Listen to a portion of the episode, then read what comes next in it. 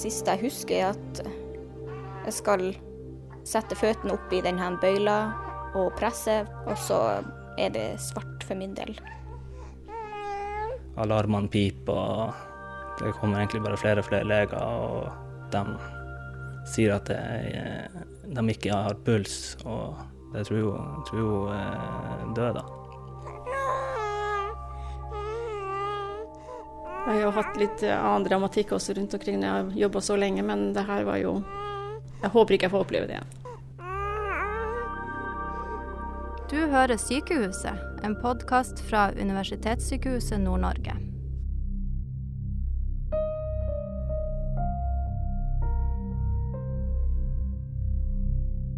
Hei!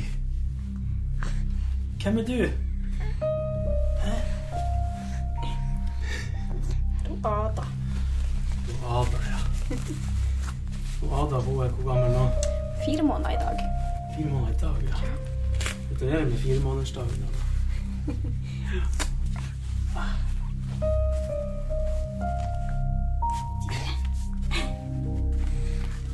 En helt perfekt baby ser på meg med store, blå øyne. Hun har runde, gode kinn, og hun lager akkurat sånne lyder som en liten unge skal gjøre når man blir skifta bleie på inne på et varmt og deilig bad. Det hun Ada ikke vet, er at det holdt på å gå veldig galt da hun ble født for fire måneder siden, og at leger, jordmødre og sykepleiere måtte gjøre noe de aldri før har gjort for å berge både hun Ada og mamma Jeanette. Denne episoden av Sykehuset skal handle om hun lille Ada, om mamma Jeanette Gottliebsen og pappa Lars Morten Samuelsen. Og en fødsel som ble så dramatisk som den kan bli. En dramatikk ingen hadde forventa noen måneder før termin.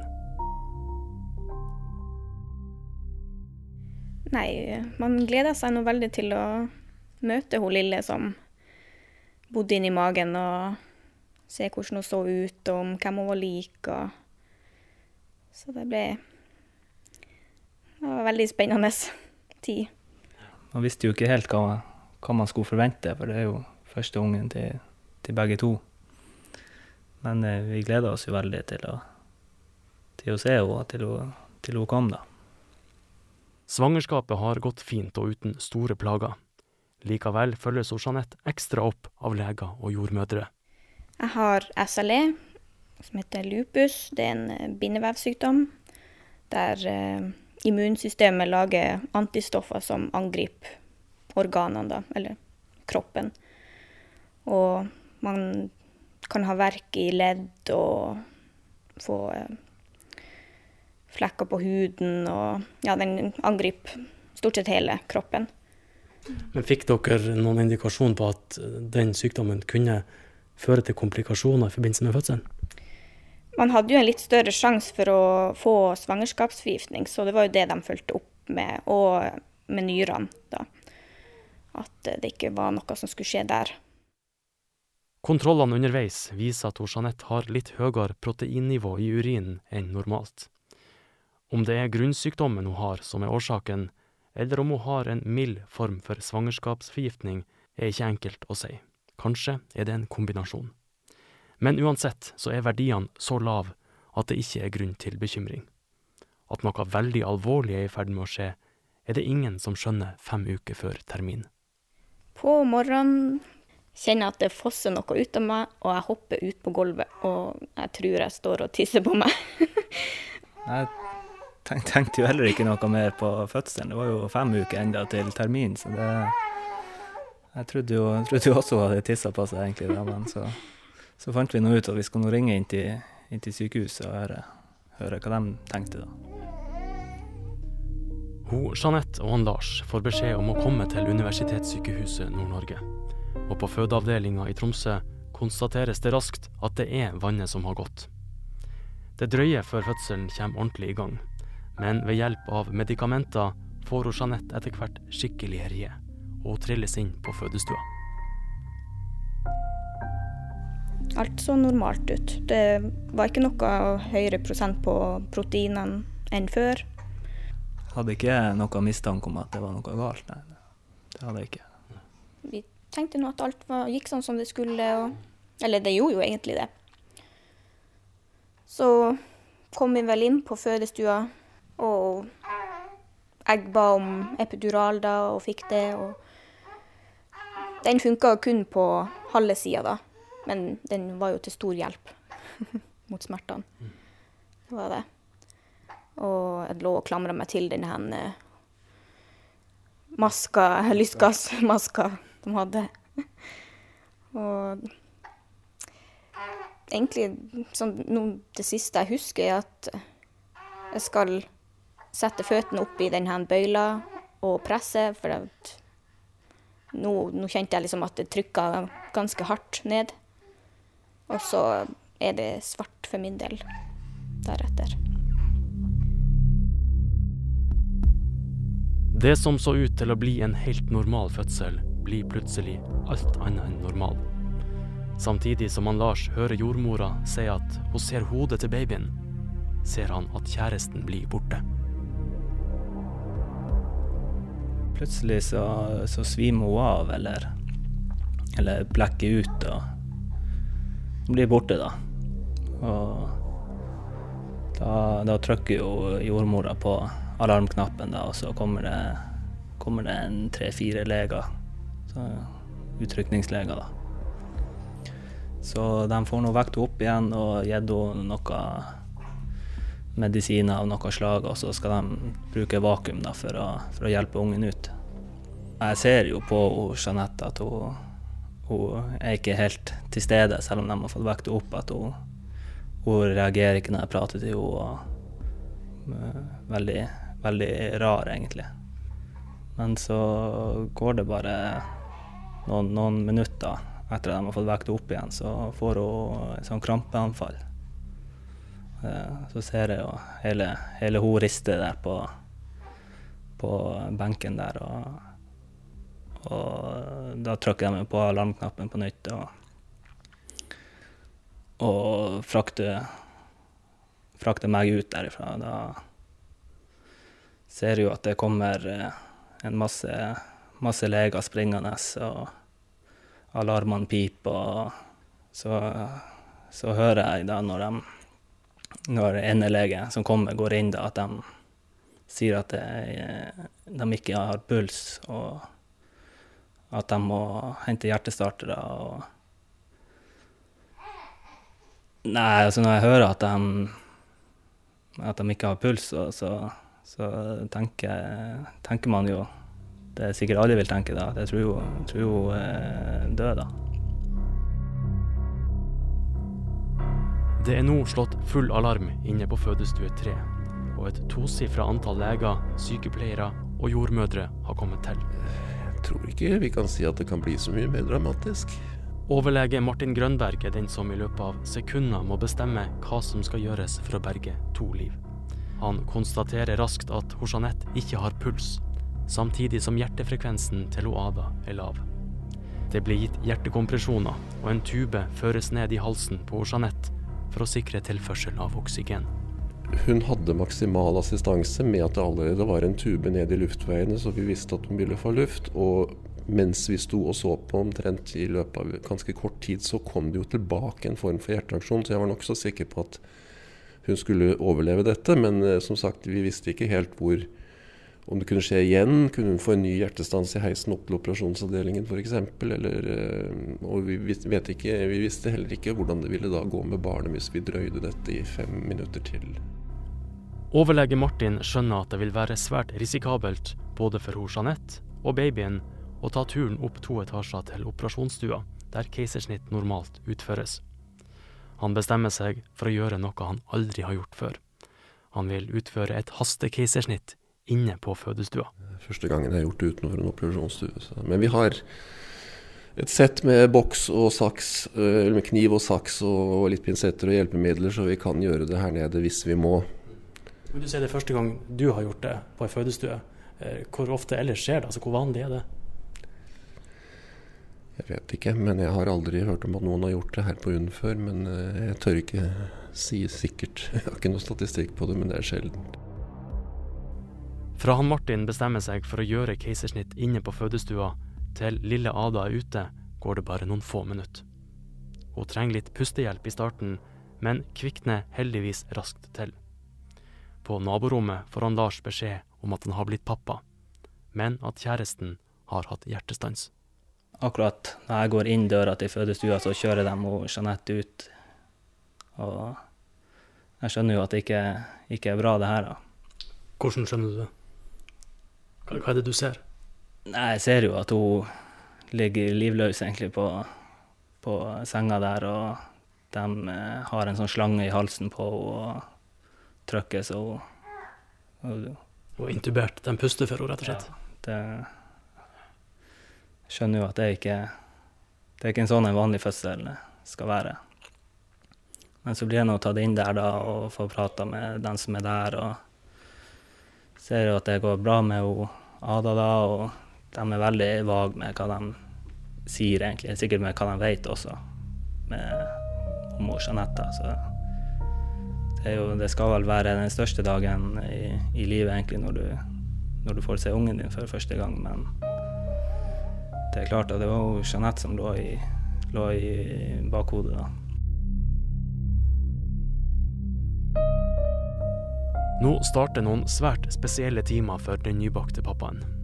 Samtidig som han sitter med sin nyfødte datter i armene, blir operasjonssåret til Jeanette sydd igjen, og hun legges til slutt inn på intensivavdelinga fire etasjer opp. Det har blitt natt, og han Lars må ta den vanskeligste telefonsamtalen han noen gang har tatt. De satt hjemme på Skjervøy og, og, og venta på å bli bestemor. og så skal jeg, skal jeg ringe til henne og si at, eh, at dattera har hatt eh, hjertestans, og at vi egentlig ikke vet hvordan hvordan det kommer til å gå. Det. Hvordan tok hun den beskjeden? Nei, det, hun ble, ble veldig satt ut og, og redd, selvfølgelig. Som noe alle ville blitt i en sånn situasjon. Jeg tror nok det var et sjokk for hun også at det gikk, gikk noen minutter før hun, hun egentlig skjønte hva, hva jeg sa for noe. Etterpå ringer han Lars til sin egen mor. Han får etter hvert besøk av broren sin, som tar seg av lille Ada, mens han Lars går til intensivavdelinga, der Jeanette nå skal vekkes. Seks timer etter hjertestansen.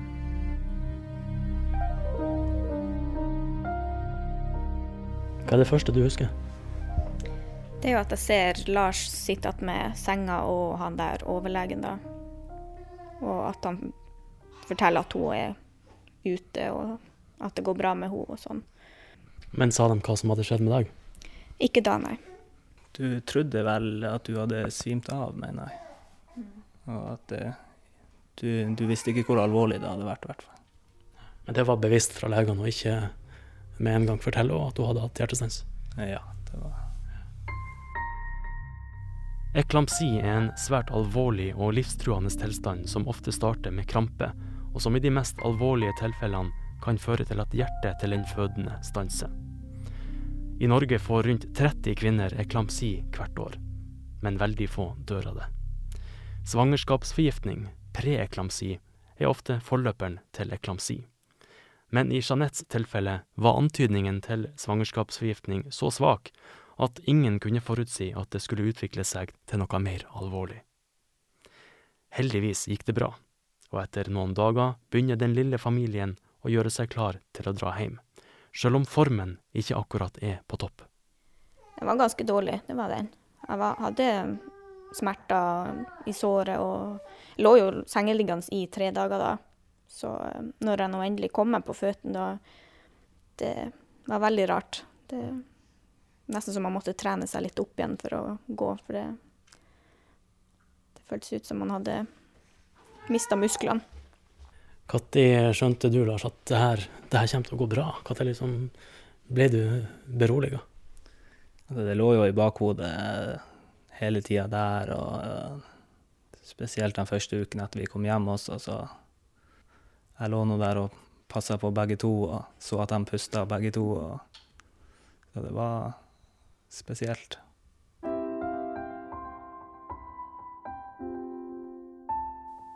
Dramatikken på fødestue 3 satte en ordentlig støkk både i Jeanette, Lars og de sykehusansatte som kom stormende til. Hun Irene Strømsør har over 40 års erfaring som jordmor, men har aldri opplevd noe mer dramatisk enn det som skjedde denne gangen. Nå, fire måneder senere, skal hun og overlege Martin Grønberg møte det unge foreldreparet igjen. Og det skjer inne på nettopp fødestue 3. Så koselig. Åh, så godt å se dere. Heia. Åh, jeg må se på det. Nei. Hei, stor har du blitt til og med. Heia. Ja, du var vet du, Det er en fryd å se dere. vet jeg. Jeg har nesten ikke ord. Jeg har ikke det, altså. Jeg får helt tårer i øynene. Mm. Ja, det er så bra. Det er så bra. Jeg har jo lurt veldig på hvordan det har gått hjemme med dere, da. særlig med deg kanskje. Som fikk, som fikk alt opp i ansiktet. Det var litt tøft den første Ja, dagene og uken, men Det må ha vært tøft. Men fikk du oppfølging her etterpå? ja, vi har vært eh, to-tre ganger inne her på Og det hjalp litt på, kanskje? Ja, godt å få Ja. fått litt igjen. Få lufta litt. om- Har du hatt noen sånne tanker etterpå, eller? Ja, Det var, har jo vært litt. Ja, litt vanskelig. på. At du kanskje fikk en sånn veldig nedtur når du kom hjem. Nei da, det har gått greit. Det har Ja. det. Det har litt, eh, vært litt vanskelig ved å sette seg inn i at det har skjedd med deg, da. Det har det. det vil jeg tro. Ja. Fy søren, det var ja, Nei. Jeg synes det, altså, når du møtte dere på intensiv dagen etter, og du lå der og smilte med den babyen på, tenkte jeg er det sant? er det mulig? Jeg har jo hatt litt eh, annen dramatikk også rundt omkring når jeg har jobba så lenge, men det her var jo Jeg håper ikke jeg får oppleve det igjen.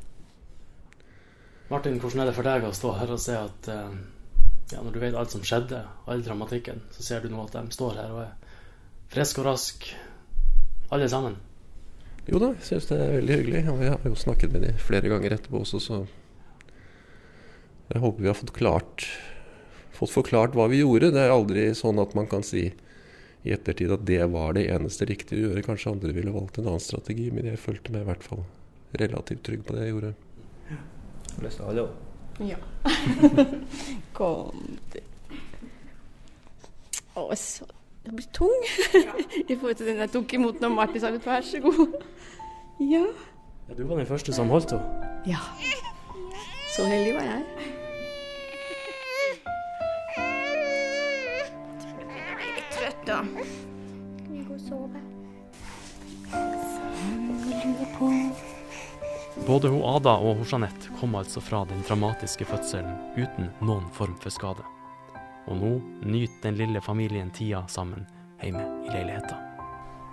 Man føler jo at man har kommet litt nærmere hverandre og tar vare på alt man gjør og ja, de små tingene, liksom.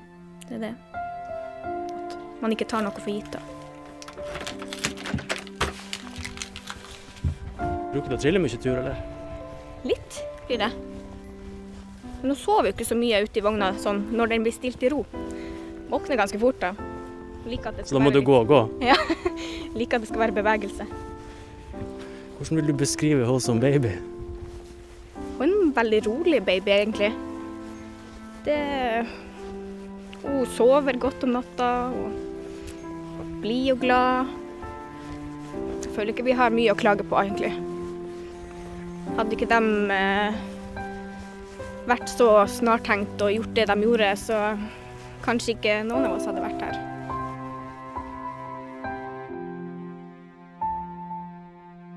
Du har hørt Sykehuset, en podkast produsert av kommunikasjonsavdelinga ved Universitetssykehuset Nord-Norge. Serien er laga av Bjørn Resvoll, mens Frode Abrahamsen har hjulpet til med den tekniske tilrettelegginga. Håvard Hotvedt fra sykehusets kulturavdeling har komponert og spilt inn musikken. Ansvarlig redaktør er Hilde Pettersen. Har du tilbakemeldinger eller tips om andre historier vi kan fortelle, ta gjerne kontakt via e-post kommunikasjon krøllalfa unn.no.